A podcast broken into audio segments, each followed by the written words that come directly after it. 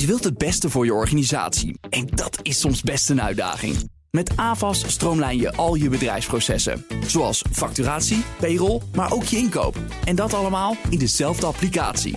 Zo weet je met één hoe je ervoor staat. En hou je meer tijd over voor echt belangrijke zaken. AVAS Software, speciaal voor jouw organisatie. BNR Nieuwsradio. BNR breekt. Ivan Verrips. Welkom, goedemorgen. De komende twee weken staan bij BNR Breekt in het teken van de verkiezingen.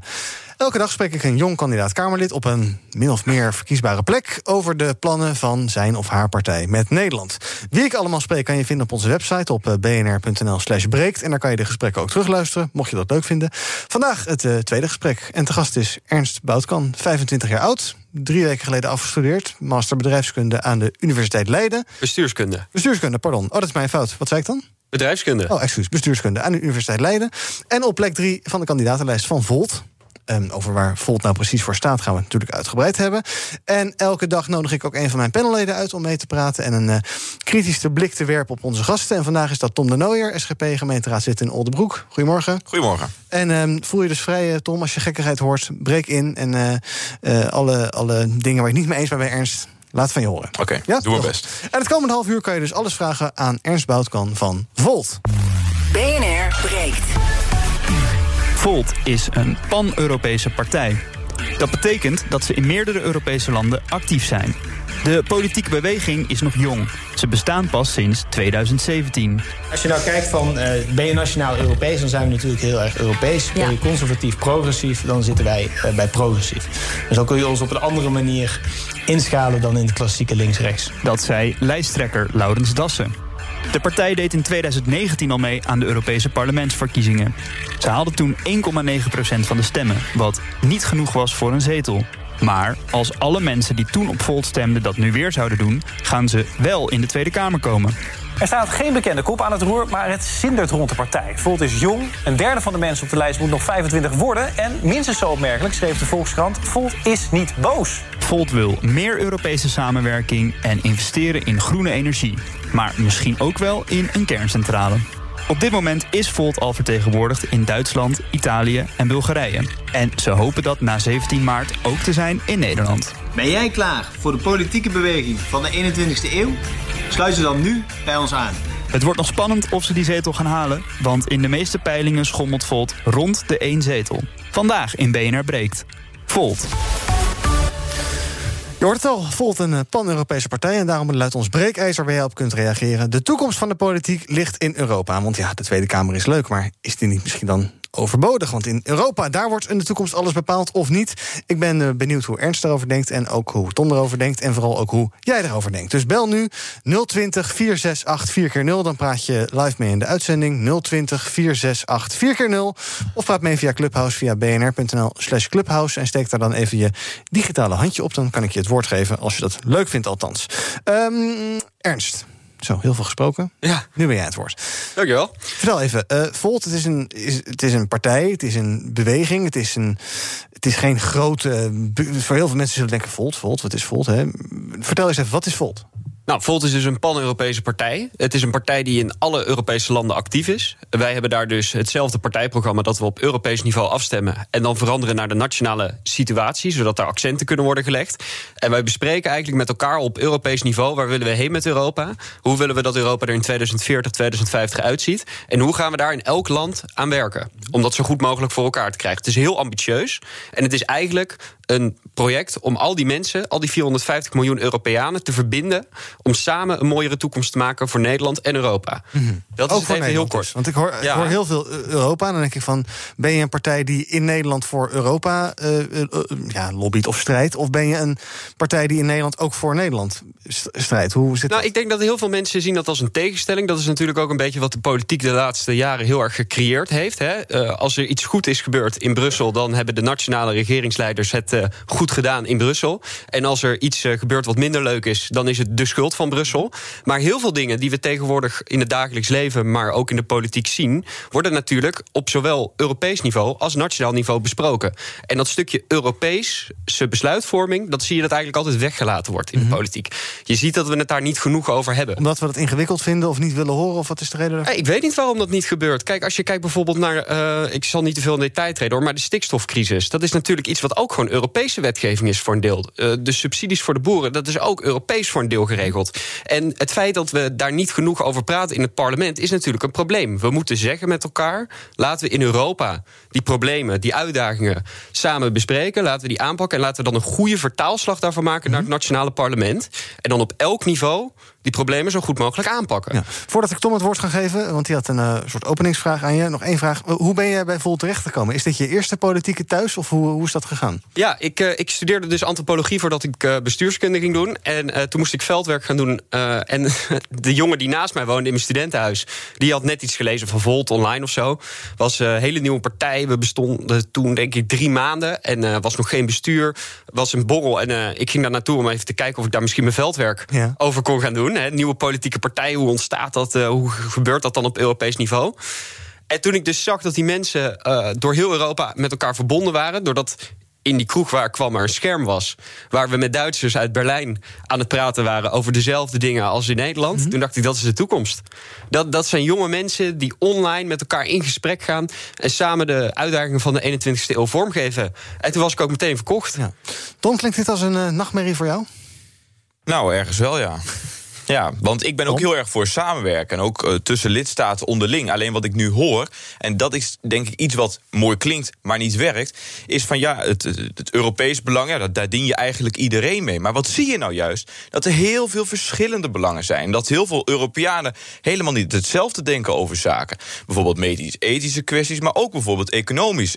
Zuid-Europa gaat heel anders met geld en met economie om. Hebben ook een heel erg andere economie dan wij. En wat zien we dan als we dan zo'n fantastische munt hebben voor iedereen? Uh, zij willen een pan-Europese partij. Nou, wij hebben al een munt voor iedereen. Wat zie je dan? Dat het noorden heel erg voor het zuiden gaat betalen. En dat willen mensen niet. Tenminste, dat willen Nederlanders in overgrote meerderheid niet. Dus wat je hier ziet is een, nou ja, een groep die denk ik niet de meerderheid van Nederland gelukkig tegenwoordig. Omdat er heel veel verschillende belangen zijn en heel veel verschillende economieën. En daar kun je niet zo centraal um, um, één munt opvoeren. Dat zien we nu elke keer fout gaan. Mensen herkennen zich denk ik helemaal niet in wat je wil. Ja, en dit is dus wat we altijd horen en waar ik dus ook uh, heel erg op tegen ben persoonlijk. Wat hier gebeurt is dat er weer een soort van belangen tegen elkaar worden gezet en dat ze proberen die tegen elkaar uit te spelen. Mhm. Dus wij worden in Nederland beter van de Europese economie. Daar verdienen wij heel veel geld aan, daar hebben we heel veel welvaart aan uh, gecreëerd de afgelopen jaren. En het wordt tijd dat we met elkaar dan gaan zeggen: oké, okay, Italië, daar moet hervormd worden. Daar vecht Volt ook voor in Italië om de juiste hervormingen door te krijgen. Maar we worden er niet beter van als we nu tegenover Italië gaan staan en mhm. daar geen compromissen gaan sluiten. We moeten met elkaar dat gesprek aangaan en zeggen hoe willen we die Europese economie vorm gaan geven met elkaar. En door deze invalshoek te pakken, wat altijd gebeurt in de politiek, kom je gewoon niet dichter bij elkaar en niet dichter bij een oplossing. Omdat het ook niet werkt. Nou, Omdat het niet werkt. zeker niet mee eens. Wel. Hey, Maar je hebt toch ook. Maar, hoe, hoe, Europa staat centraal bij Volt. Maar er zijn toch ook allerlei Nederlandse problemen. Ik, ik vraag me een beetje af. Je, stel, stel dat Volt in de regering zou zitten. Dan hoor je niks over toeslagenaffaires. Of over mensen die uh, uh, armoede in, in, in ons land. Allerlei onderwerpen waarvan ik denk. Maar dat, dat zijn onderwerpen die in Nederland spelen. Die lijken jullie niet te adresseren. Of, of heb ik het dan Heb je het verkiezingsprogramma gelezen? Ik heb het gedaan. Ja, ja. Niet helemaal ja, je ziet dus dat we natuurlijk ook heel veel uh, Nederlandse problemen zien. Dat we die ook willen aanpakken net als alle andere partijen. Ik zie wel dat er een verschil is dat bij ons Europa veel centraler staat. Bij heel veel uitdagingen kijken van oké, hoe kunnen we hier een Europese kans van maken? Uh, heel veel dingen zijn ook veel logischer als je even over de grens kijkt en gaat kijken van oké, hoe kunnen we hier dan samenwerken? Um, maar ik, ja, ik weet eigenlijk wel zeker dat de meeste problemen die nu in Nederland spelen, ook door Volt gaan worden aangepakt op Nederlands niveau. Wij zijn niet alleen een Europese partij, maar wij hebben wel die Europese dimensie mhm. waar we zo hard voor vechten. Ja. Je reageren op ons breekijzer? Dan kan dat. De toekomst van de politiek ligt in Europa. Bel nu 020 468 4 keer 0 Dan praat je zo mee in de uitzending. Ik ga zo meneer Huigens aan het woord laten. 020 468 4 keer 0 En je kan ook meepraten via Clubhouse. Ga naar bnr.nl slash Clubhouse. Dan kom je gelijk in het goede groepje terecht. Um, jullie peilen nu rond de één zetel. Ik weet niet hoeveel je aantrekt van peilingen, maar het zegt misschien wel iets.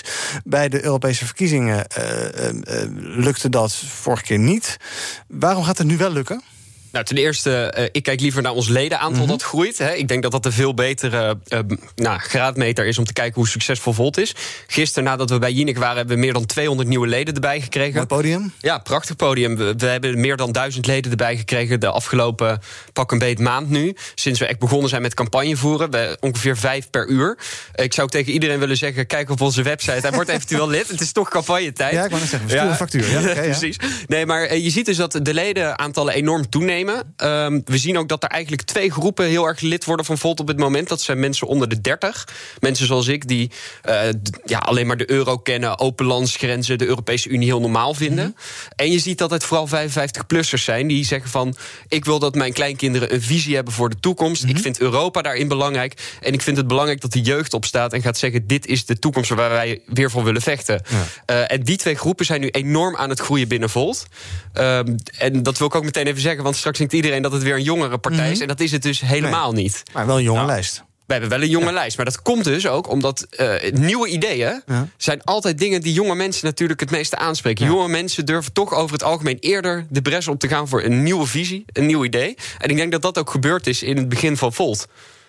Ja, waar ik dus. Jij bent, jij bent jong, maar je, maar je voelt je niet ver, verbonden met Volt. Hoe kan dat? Nee, er dat gaat iets mis. Ja, dat, nou ja, of er iets misgaat of er gaat iets heel erg goed. Ik denk het laatste, maar dat uh, mag iedereen zelf weten. Waar, kijk, wat, waar ik een beetje tegenaan loop. Ik zou het heel jammer vinden als, als Volt te veel macht zou krijgen. Want waar, waar ik denk wat het fundamentele probleem is met wat Volt wil, is dat mensen zich er niet in herkennen. Volt denkt, we gaan alles centraliseren en dan komt het goed. Maar mensen herkennen zich er niet in. Dan wordt het onbetaalbaar. Dan wordt het wordt Brussel wordt onbereikbaar voor Jan Modaal. Wordt onverstaanbaar met een andere taal. Je ziet het ook al met, met centralisaties van gemeenten. Dan zeggen gemeenten, ja, maar dat willen we helemaal niet. Want dan worden we bij de grote dit geveegd... en dan zijn we onze eigen positie kwijt. Omdat je juist verschilt. En dat moet je koesteren. En Volt die dendert daar overheen... Ja. en die wil dat allemaal gelijk trekken. En mensen herkennen zich daar echt niet in. Ja, jullie willen af van een soort uh, gezond nationalisme.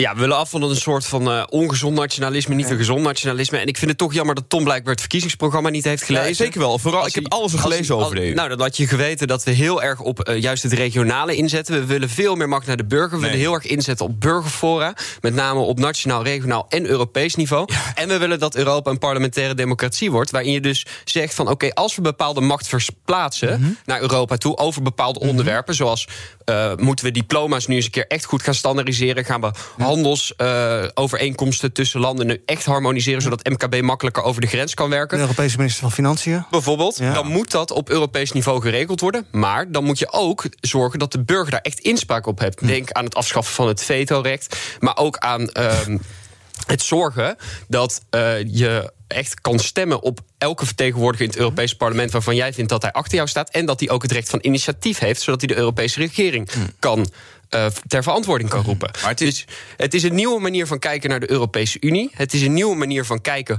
hoe gaan we zorgen dat we het zo goed mogelijk met elkaar regelen. Maar het is niet zo dat we een soort Europese superstaat willen oprichten waarin de burger niks meer te zeggen heeft. Maar kijk naar hoe het nu gaat. Maar kijk naar hoe het nu gaat. Iedereen kent het volkslied. Niemand kent ons volkslied. Het Wilhelmus. Niemand kent Zeker het Europese. Wel. Couplet 1 en 6. Ja, nou dan vind ik al heel knap als je het zesde ook kent. Heel ja, goed. Ben mijn ik schild en de getrouwen zeg Betrouwen. God, mijn heer. Betrouwen, maar het zit al in de buurt. Maar je kent er in ieder geval meer van waarschijnlijk dan van het Europese volkslied. En daar is precies waar het ook misgaat. Het wordt te groot. Het wordt niet meer overzichtelijk. Wie kent nou die 29 op dit moment Europarlementariërs van Nederland? Nederland heeft daar een ontzettend kleine invloed in op. En mensen weten totaal niet meer wat er weten nu al niet wat er gebeurt. Laat staan dat ze weten wat er zo meteen gaat gebeuren als Volt alle macht heeft neergelegd. Want Volt wil inderdaad alle nationale bevoegdheden zo ongeveer die van cruciaal belang zijn. Ik, ik heb het inderdaad gelezen. Buitenlandbeleid, Europese minister van Buitenlandse Zaken, Financiën, dus het budgetrecht wordt enorm Europese belastingen? Ja, Europese belastingen onder meer.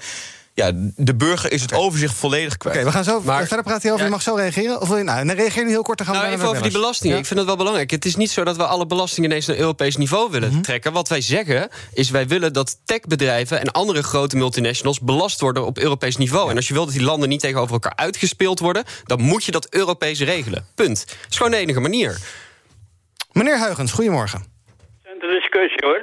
Wat zegt u? Laten we ook bedenken, eh, geachte heren, dat ze met een kleine 30 soevereine staten eh, te maken krijgen.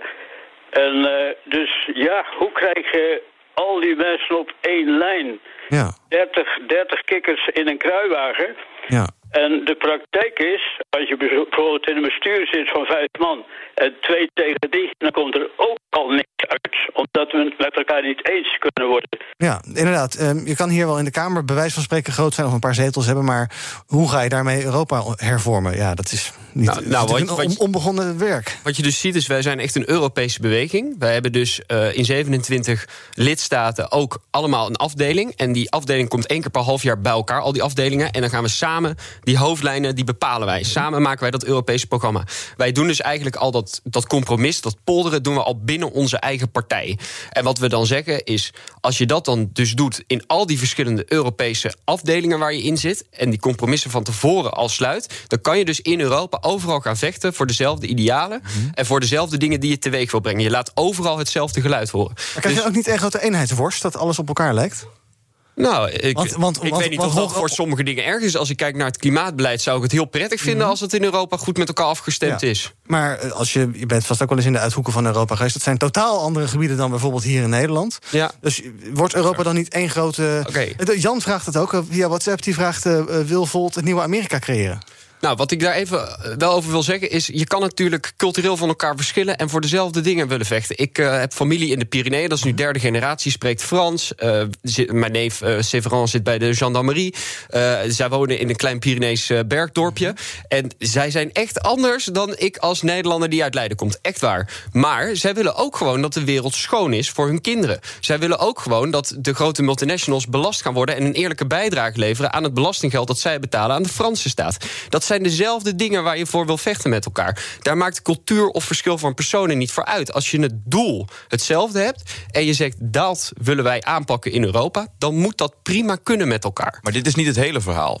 Want die doelstellingen, kijk, die deel ik ook nog wel met jou. Ik ben ook voor goed klimaatbeleid. En ik wil dat onderling met landen overeenkomsten sluiten. Maar de verantwoording daarvan dicht bij huis hebben, dicht bij de burger in het nationale parlement. Wat je doet eigenlijk, het ideaal klinkt mooi, hè, maar als je die vetorechten nou gaat afschaffen, zodat, je niet, zodat je niet meer unanimiteit over extreem belangrijke zaken, zoals neem bijvoorbeeld sancties, wat jullie zelf ook noemen, vereist is. Maar dat je gewoon zegt, nou, als we ergens een soort van meerderheid hebben, 55% en 65%, dat dat kun je een beetje zo van, ah, hebben we een mooi model. Maar je neemt niet iedereen mee. Dan ga je inderdaad krijgen. Ik vond het een heel goed belletje van die meneer die zei: ja, maar dan gaan de kikkers uit de kruiwagen springen. Dus jullie denderen er dwars overheen.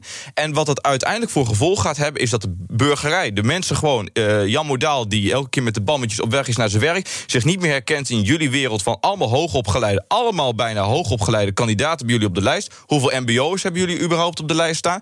Mensen herkennen zich daar niet in. En wat je dan uiteindelijk teweeg brengt, is het averechtse effect en dan gaat het echt klappen.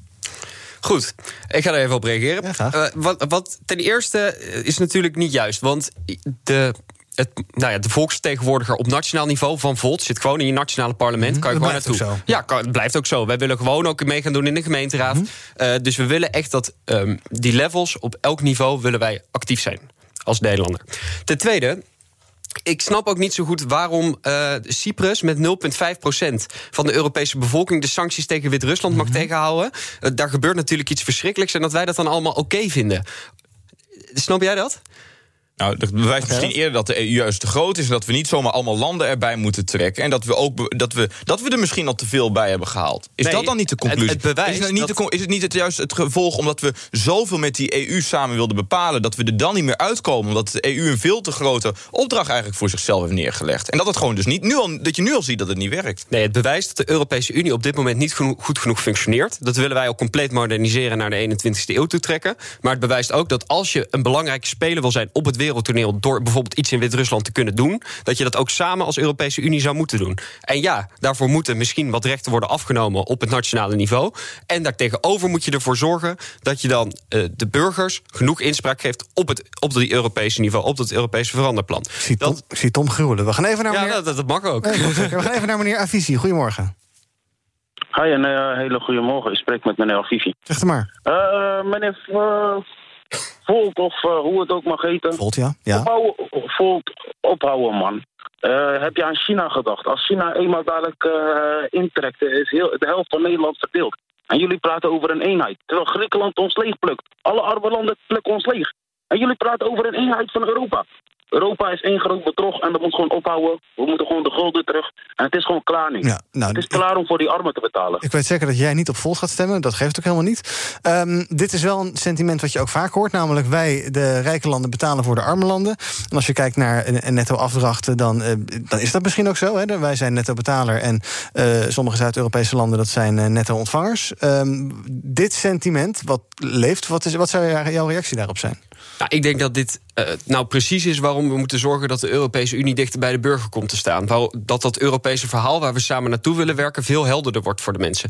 Ik denk ook dat als je een Europese Unie hebt met één gezamenlijke munt, dat je daar ook een fiscale Unie tegenover moet zetten. Ofwel dat je samen betere afspraken moet maken over hoe je met dat geld omgaat. Mm -hmm. Even heel simpel gezegd. Dat is niet gebeurd.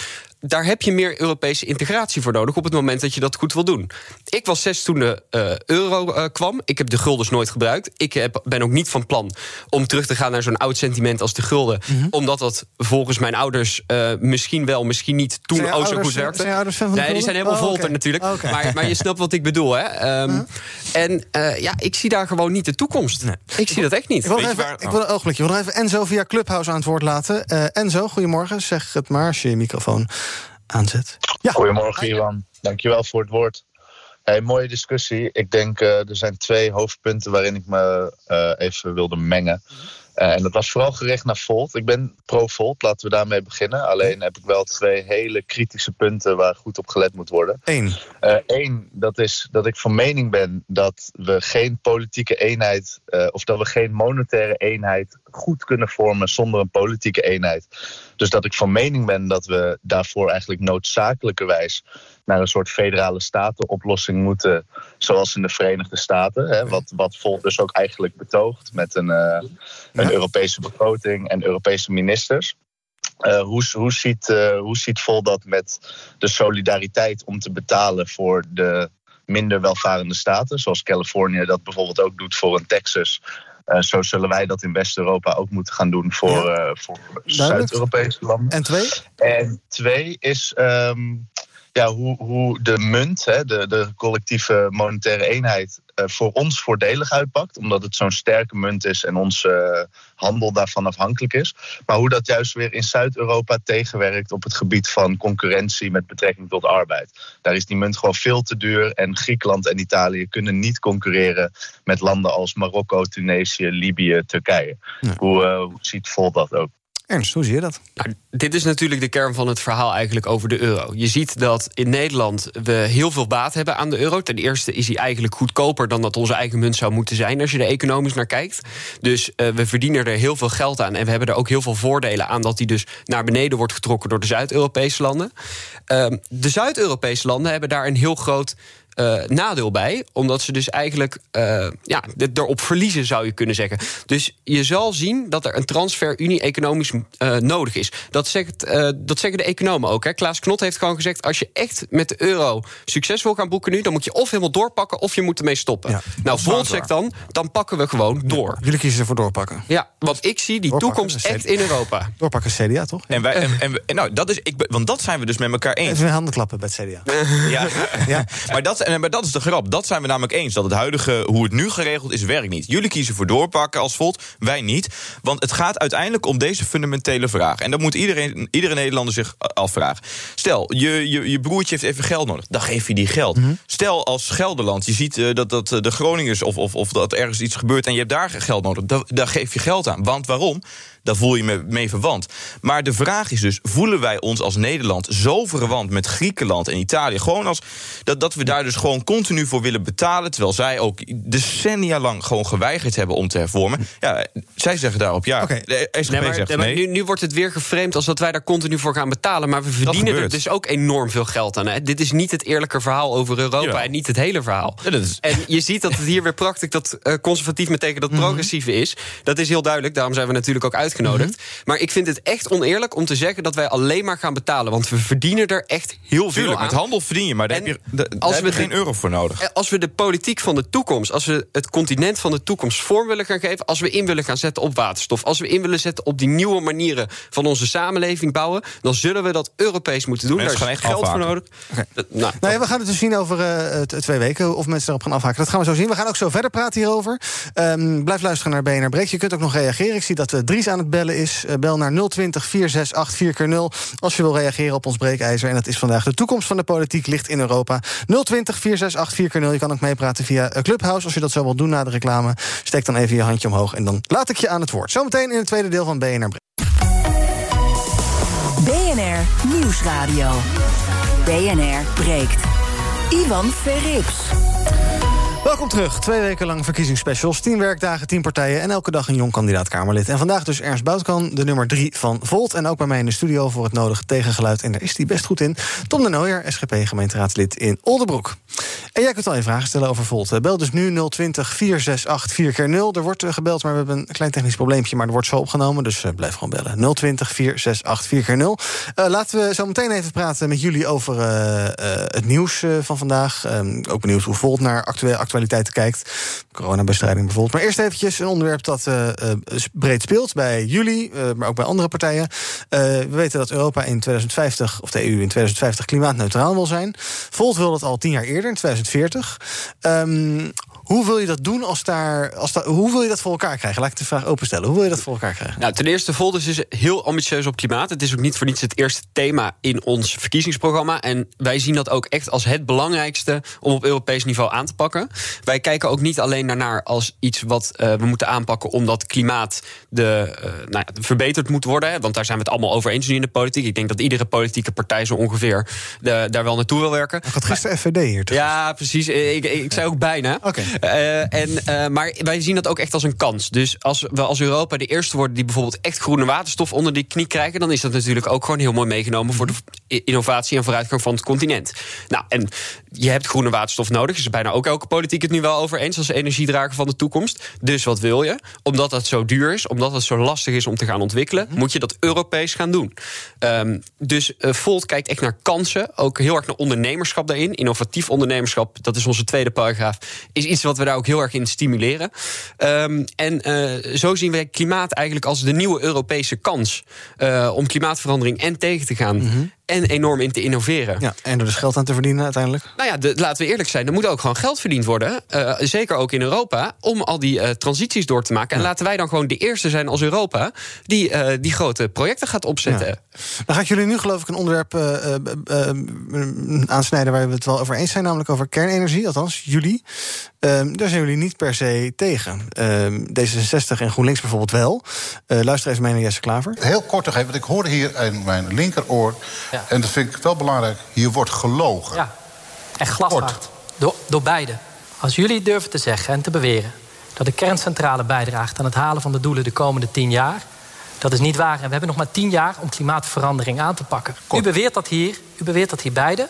En dat is, sorry, een minister van Financiën en een premier onwaardig. Ernst, stam jij maar eerst even Tom, kernenergie. Ja, hartstikke voor. En dat, de, Jesse Klaver eh, toont eigenlijk zelf aan precies waar zijn redenering fout gaat. Hij kijkt alleen naar de komende tien jaar, alsof we na tien jaar niks meer nodig hebben. En ja, we moeten nu ook zaken aanpakken. Maar als je kort continu met die korte termijn doelstellingen, hè, nu van 2030, daarop telkens maar één stapje vooruit blijft kijken, dan ga je die gigantische kans van kernenergie nooit aangrijpen. Neem bijvoorbeeld ook thorium. Dat zijn, dat zijn gig, dat, ik denk daarmee trouwens dat je het energievraagstuk voor de toekomst echt kunt oplossen, omdat, er, eh, omdat het eh, veilig is, volstrekt veilig. Het werkt alleen onder lage druk amper radioactief afval. Het werkt heel erg goed. Het is heel efficiënt. Er is drie keer zoveel thorium in de grond als uranium. Er zijn maar een paar uh, feitjes daarover. Dat zijn de kansen van de toekomst. Links sluit ze uit. En dat vind ik het mooie aan ja. Vol. Dat, laat ik ze nu, net waren we het redelijk oneens.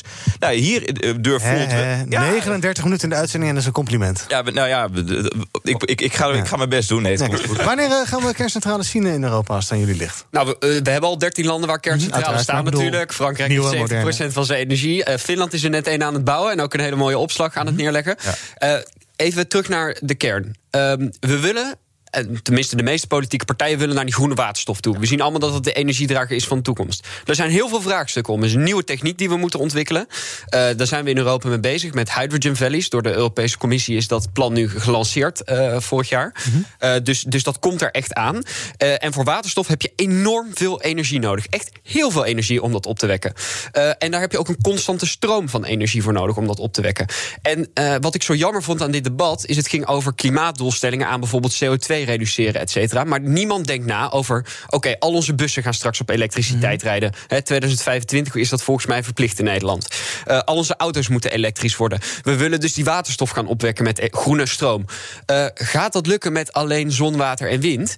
Volt zegt, kijk naar Europa. Kijk naar waar we het beste die stroom kunnen opwekken. Stem die energienetten op elkaar af. Zorg dat je die energie, die groene energie haalt... waar het het beste geproduceerd kan worden. Uh, maar sluit kernenergie niet uit. Nee. Want het is waarschijnlijk iets wat we nodig gaan hebben om die maatschappij te kunnen draaien in de toekomst. En thorium, daar zijn wij ook uh, voorstander van, om dat zeker op Europees niveau te laten ontwikkelen en er echt naar te laten kijken. Want als je al die knappe koppen bij elkaar steekt, dan kun je echt wel ergens komen de komende 20, 30 jaar. En Volt kijkt dus echt op die lange termijn ook. Ja. Heel goed. Uh, hoe staan jullie, uh, um, is misschien een beetje een raar vraag, maar in het politieke spectrum? Want in Europa zitten jullie met de Groenen in, in, in, de, in, de, in de club, in de, hoe noem je dat? In de Alliantie. In de Alliantie, precies. Um, hier word je misschien iets meer met D66 geassocieerd door veel mensen. Waar moeten we jullie plaatsen in, in dat spectrum? Het is natuurlijk een beetje altijd, altijd ingewikkeld. Maar... Ja, ja, dat is ook echt weer iets van de vorige eeuw natuurlijk, om heel erg links-recht te zijn. Uh, wat je ziet dus, is dat Volt wordt vaak uh, als rechts gezien op thema's zoals kernenergie, ondernemerschap. Wij zijn een zeer pragmatische partij. Mm. Wij begrijpen dat er geld moet worden verdiend en dat je problemen gewoon zo goed mogelijk moet oplossen en zo praktisch mogelijk moet oplossen. Um, en zoals met kernenergie word je dan snel in de rechtse hoek geduwd. Maar wij zeggen ook, er moet een, een goede basis zijn voor ja. iedereen. We moeten een goede welvaartsstaat hebben. Dat is de afgelopen jaren afgebrokkeld. Uh, er is geen balans meer op de woningmarkt. Er is geen balans meer in de zorg. Uh, er, de, de, het onderwijs is achteruit gegaan. Dat willen we allemaal weer vooruit uh, trekken. Daar willen we ook de mensen in meenemen en dat voor iedereen beschikbaar maken. En dan word je heel snel in de linkse hoek geduwd. Ja. maar wat het belangrijkste is, is dat we naar alles kijken vanuit een Europese bril. En dat we dus ook zeggen van oké, okay, hoe kunnen we het het beste aanpakken? Als dat een links uh, onderwerp is vanuit onze waarden, dan, dan zijn we daar wat linkser. Ja. En als dat rechts is, zijn we daar wat rechtser. En dan kom je eigenlijk in het midden en vooral heel progressief uit. Ja. Wat mij een beetje opvalt de laatste tijd, is dat het uh, lijkt alsof er uh, nou wel iets gaande is rondom Volt. Er zijn best veel prominenten die jullie steunen. Welkom bij Zondag met Lubach. Over twee weken mogen we stemmen op een partij waar je goed bij voelt. voelt. Ja, dat is Arjen Lubach die een grapje maakt. Maar bijvoorbeeld ook Geert Mak. Ik zag Jan Boekenstein twitteren. Die was, was een VVD'er, maar die gaat Volt stemmen. Sander Schimmelpenning. Wat, wat merk je, waarom heeft Volt nu opeens tractie? Wat gebeurt er?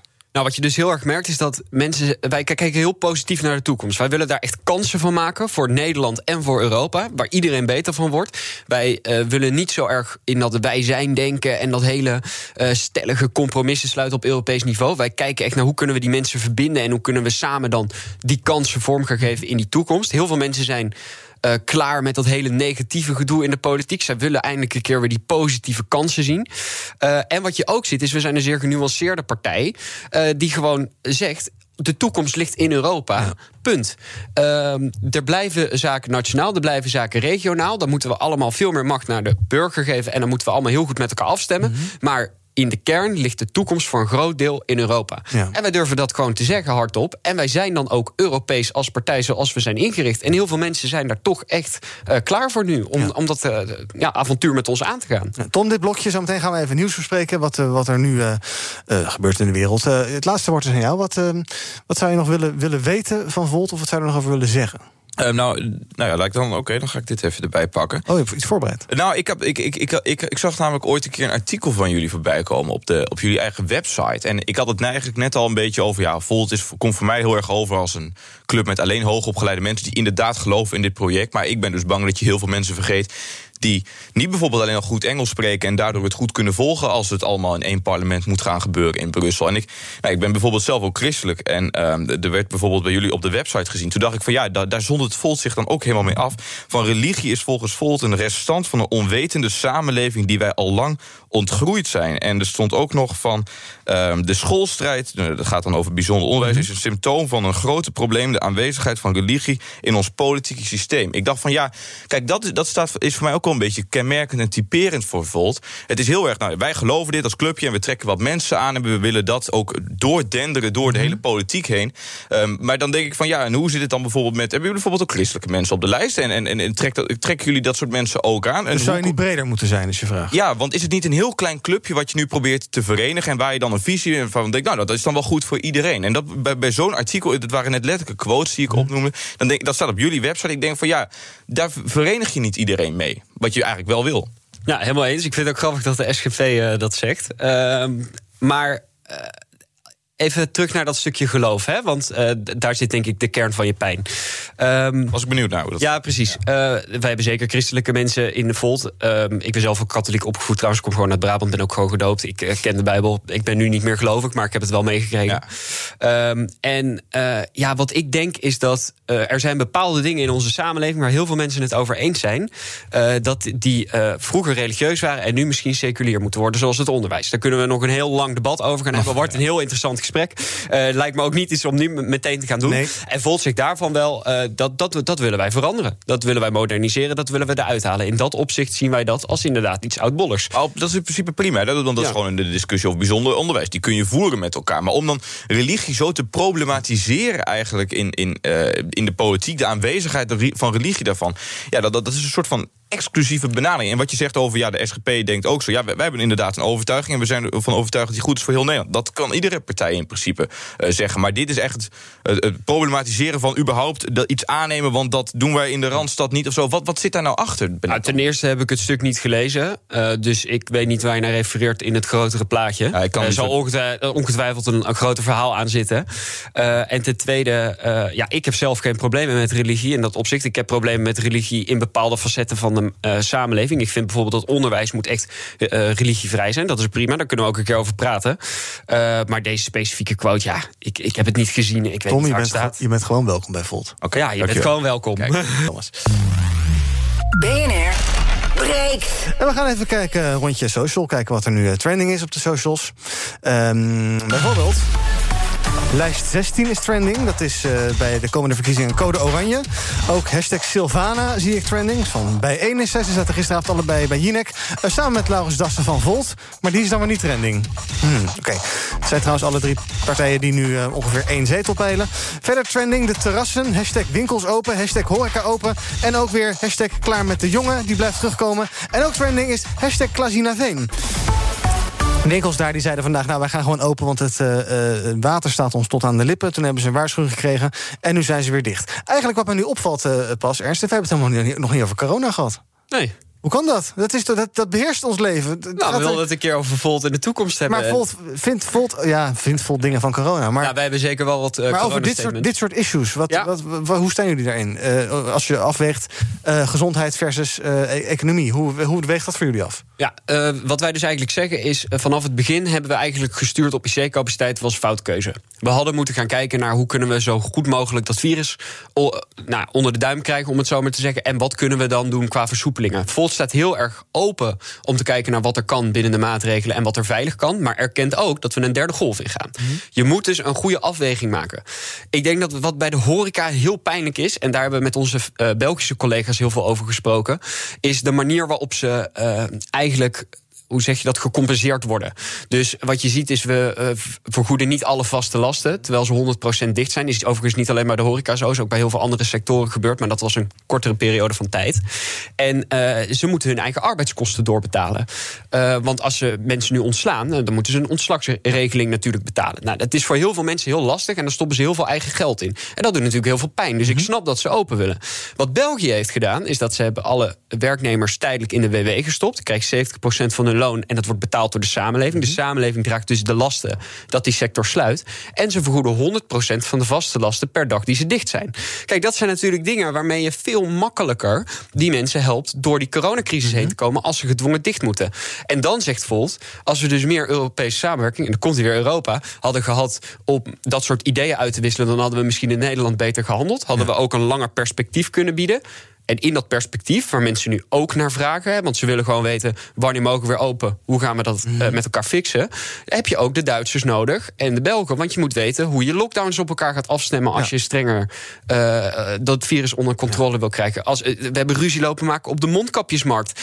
Te, in plaats van dat we daar samen zijn opgetrokken. Dat, dat vroeg natuurlijk om Europese coördinatie. Ja, kwam niet. Aan de andere kant, vaccins hebben wel Europees ingekocht. Dat was ook niet per se een succes. Nee, dat klopt. daar dus- heeft de Europese Unie ook uh, fouten gemaakt. Mhm. Dat, dat, durft Volt ook eerlijk te zeggen. Uh, maar wij denken niet dat je dat op gaat lossen door het dan maar niet meer Europees te doen.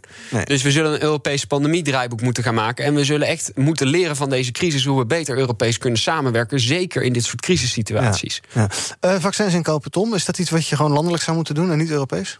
Um, nou, kijk, wat, je dus, wat ik wel interessant vind om te zien... aan de ene kant is dus de roep... die ik eigenlijk ook nog wel begrijp van doe dat Europees. Aan de andere kant zie je ook dat als je veel partijleiders vraagt... van ja, wat moet je dan doen voor een volgende epidemie of crisis... zeggen ze ja, in ieder geval zorgen dat je zelf je IC-capaciteit op orde hebt. Dat je zelf um, um, mondkapjes hebt en dat soort spul zelf voorradig hebt... in plaats van dat je afhankelijk bent van andere landen. Dus dat zijn eigenlijk de twee sporen die je kunt kiezen. Waar ik het dus wel mee eens ben... is dat het op dit moment totaal niet uh, gefunctioneerd heeft... en dat het gewoon te lang duurt doordat het door elkaar heen liep. Dus ik ben wel mee eens dat je daar in ieder geval een duidelijke keuze over moet ja. En zaken als bijvoorbeeld, uh, uh, ja, ik, ik probeer bijvoorbeeld niet te ridiculiseren, maar bijvoorbeeld zo'n avondklok, zou je dat dan ook Europees willen regelen? Dat je dat ook meer op elkaar afstemt en beter? Uh, nou, avondklok is natuurlijk een veel specifiekere maatregel. Uh, het zou natuurlijk. Uh, nou, dat, dit is iets wat echt binnen grenzen ook te handhaven mm. is. En wat binnen grenzen ook handbaar, handhaafbaar is. Waarom dat dan wel dan?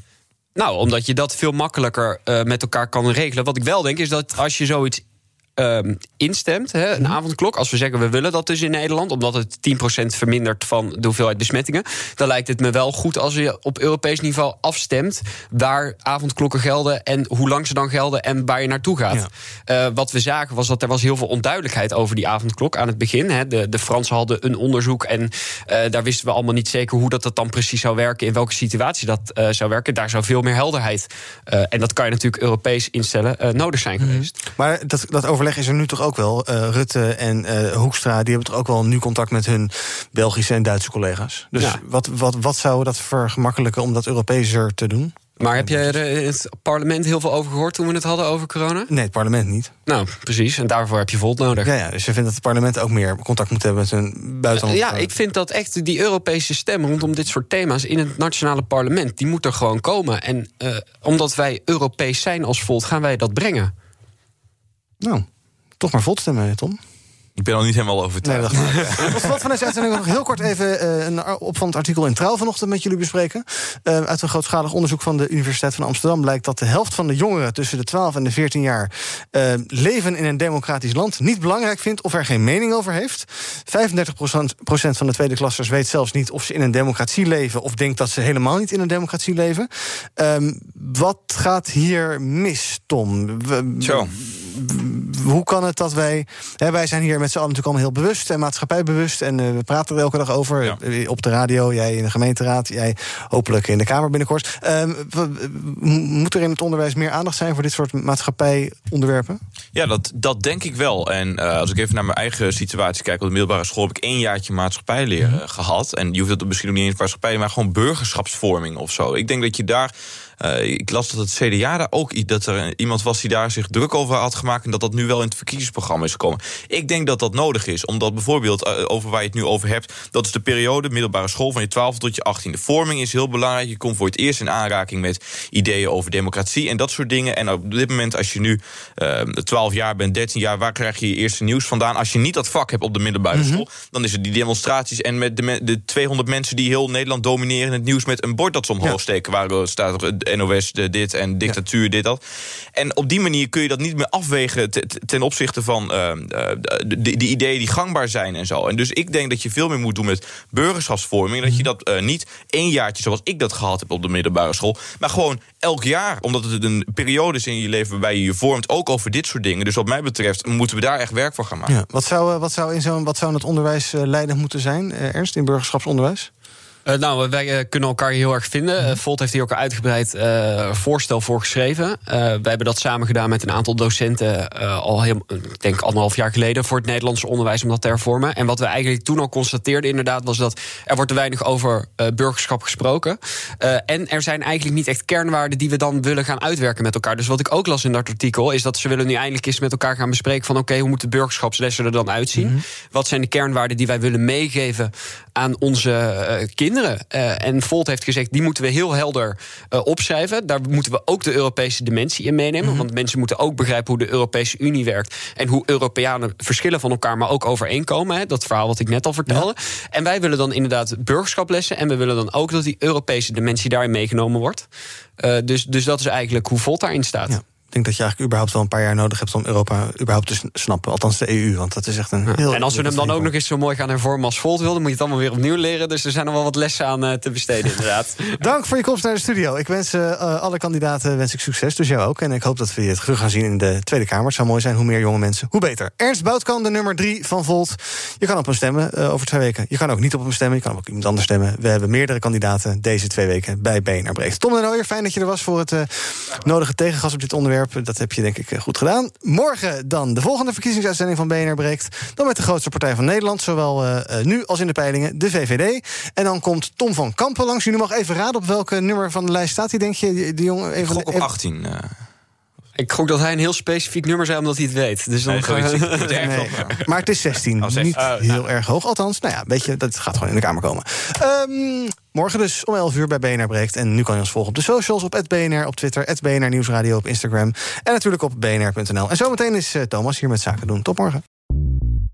Bij BNR ben je altijd als eerste op de hoogte van het laatste nieuws. Luister dagelijks live via internet. Jelle Maasbach. Wesley Weert. We zijn er voor je met het leukste, opvallendste, maar natuurlijk ook het belangrijkste nieuws. Tijdens de presentatie van die halfjaarcijfers toen die beurskoers in elkaar kukkelde. BNR Beurs. Voor de slimme belegger. Blijf scherp en mis niets.